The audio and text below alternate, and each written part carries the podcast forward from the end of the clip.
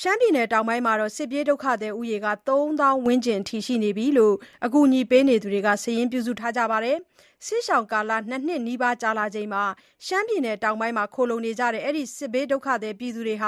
စားနပ်ရိက္ခာအပြင် နေထိုင်ဖို့နဲ့ ကျန်းမာရေးအတွက်ပါအကူအညီတွေ အတော်လေး လိုအပ်နေတာပါ။ဒီအကြောင်း သတင်းပေးပို့ချက်ကို မမြသဇင်အောင်က တင်ပြထားပါတယ်။ရှမ်းပြည်နယ်တောင်ပိုင်းမှာ အနီးဝန်းကျင်ရှိကျေးရွာတွေကနေ စစ်ရှောင်လာသူတွေအပြင် နေရပ်မပြန်နိုင်သေးတဲ့ ကယားပြည်နယ် ဒေသအခေါ် ကရင်နီပြည်က စစ်ရှောင်သူတွေလည်း အခုချိန်ထိ ရှိနေပါတယ်။တိုက်ပွဲတွေ နည်းသွားပေမဲ့ လက်နက်ကြီးကျရောက်တဲ့ဒဏ်ကို စိုးရိမ်ပြီး အိုးအိမ်ပစ် ထပ်မံတိမ်းရှောင်လာသူတွေလည်း ရှိပါတယ်။အရင်ရှိပြီးသား စစ်ရှောင်သူတွေနဲ့ အခုအသစ်ထပ်ရောက်သူတွေကြောင့် စစ်ပြေးဒုက္ခသည်ဦးရေဟာ၃သောင်းဝန်းကျင်လောက်အထိ ရှိနေပြီလို့ ကူညီဆောင်ရွက်သူတွေက ပြောပါတယ်။ စစ်ရှောင်သူတွေထဲမှာ ကိုယ်ဝန်ဆောင်အမျိုးသမီးတွေလည်း ပါဝင်ပြီး အချိန်ကာလကြာလာတာနဲ့အမျှ ဒုက္ခသည်တွေအတွက် နေဖို့နေရာ၊စားသောက်ဖို့ ရိက္ခာအပြင် တခြားလိုအပ်ချက်တွေလည်း ရှိနေတယ်လို့ ကူညီပေးနေသူတဦးက ပြောပါတယ်။“ဒီကိုယ်ဝန်ဆောင်အမျိုးသမီးတွေပေါ့ စစ်ရှောင်လကြာလာတဲ့အခါကျတော့ ဒေသခံအလှူရှင်ရဲ့အကူအညီမှု ပါးတဲ့အခါ နိုင်ငံတကာလည်း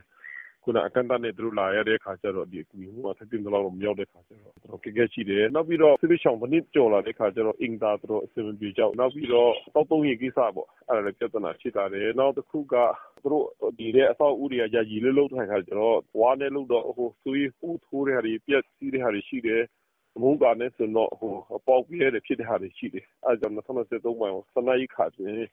နောက်သူတို့ဒီအိမ်သာတွေနောက်မှသူတို့နားနေဖို့အ ဆောင်လေးတွေအဆောက်အဦးလေးတွေထပ်ပြီးတော့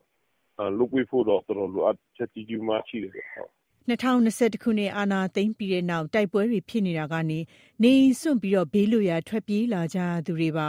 စစ်ရှောင်ကာလ၂နှစ်နီးပါးရောက်ချိန်မှာတော့အစကတည်းကလိုအပ်ချက်တွေရှိနေတဲ့ဒုက္ခသည်တွေမှာပိုမိုခက်ခဲလာပါတယ်။ပြည်တွင်းအလှူရှင်အားလည်းအတော်လေးနည်းလာတဲ့အနေအထားမှာရှိနေတာပါ။“ ကုလသမဂ္ဂအဖွဲ့အစည်းတို့ နိုင်ငံတကာ INGO အဖွဲ့အစည်းတွေကကျတော့ တချို့အဖွဲ့အစည်းဆိုရင်တော့ ဒေသခံမှာလုပ်နေတဲ့ ပရဟိတလုပ်နေတဲ့အဖွဲ့နဲ့ သူတို့အချိတ်အဆက် သိပ်မလုပ်ကြဘူး။သူတို့ကတော့ ဘာသွားဖြစ်လဲဆိုတော့ Procedure တွေ လုပ်ထုံးလုပ်နည်းတွေ ချည်နှောင်ထားတဲ့အခါကျတော့ ဒေသမှာလုပ်တဲ့လူတွေနဲ့ သူတို့ရဲ့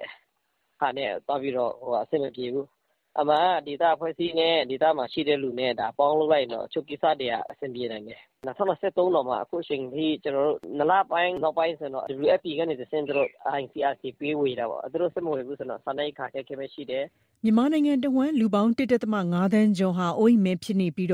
ဒီထဲက ၁.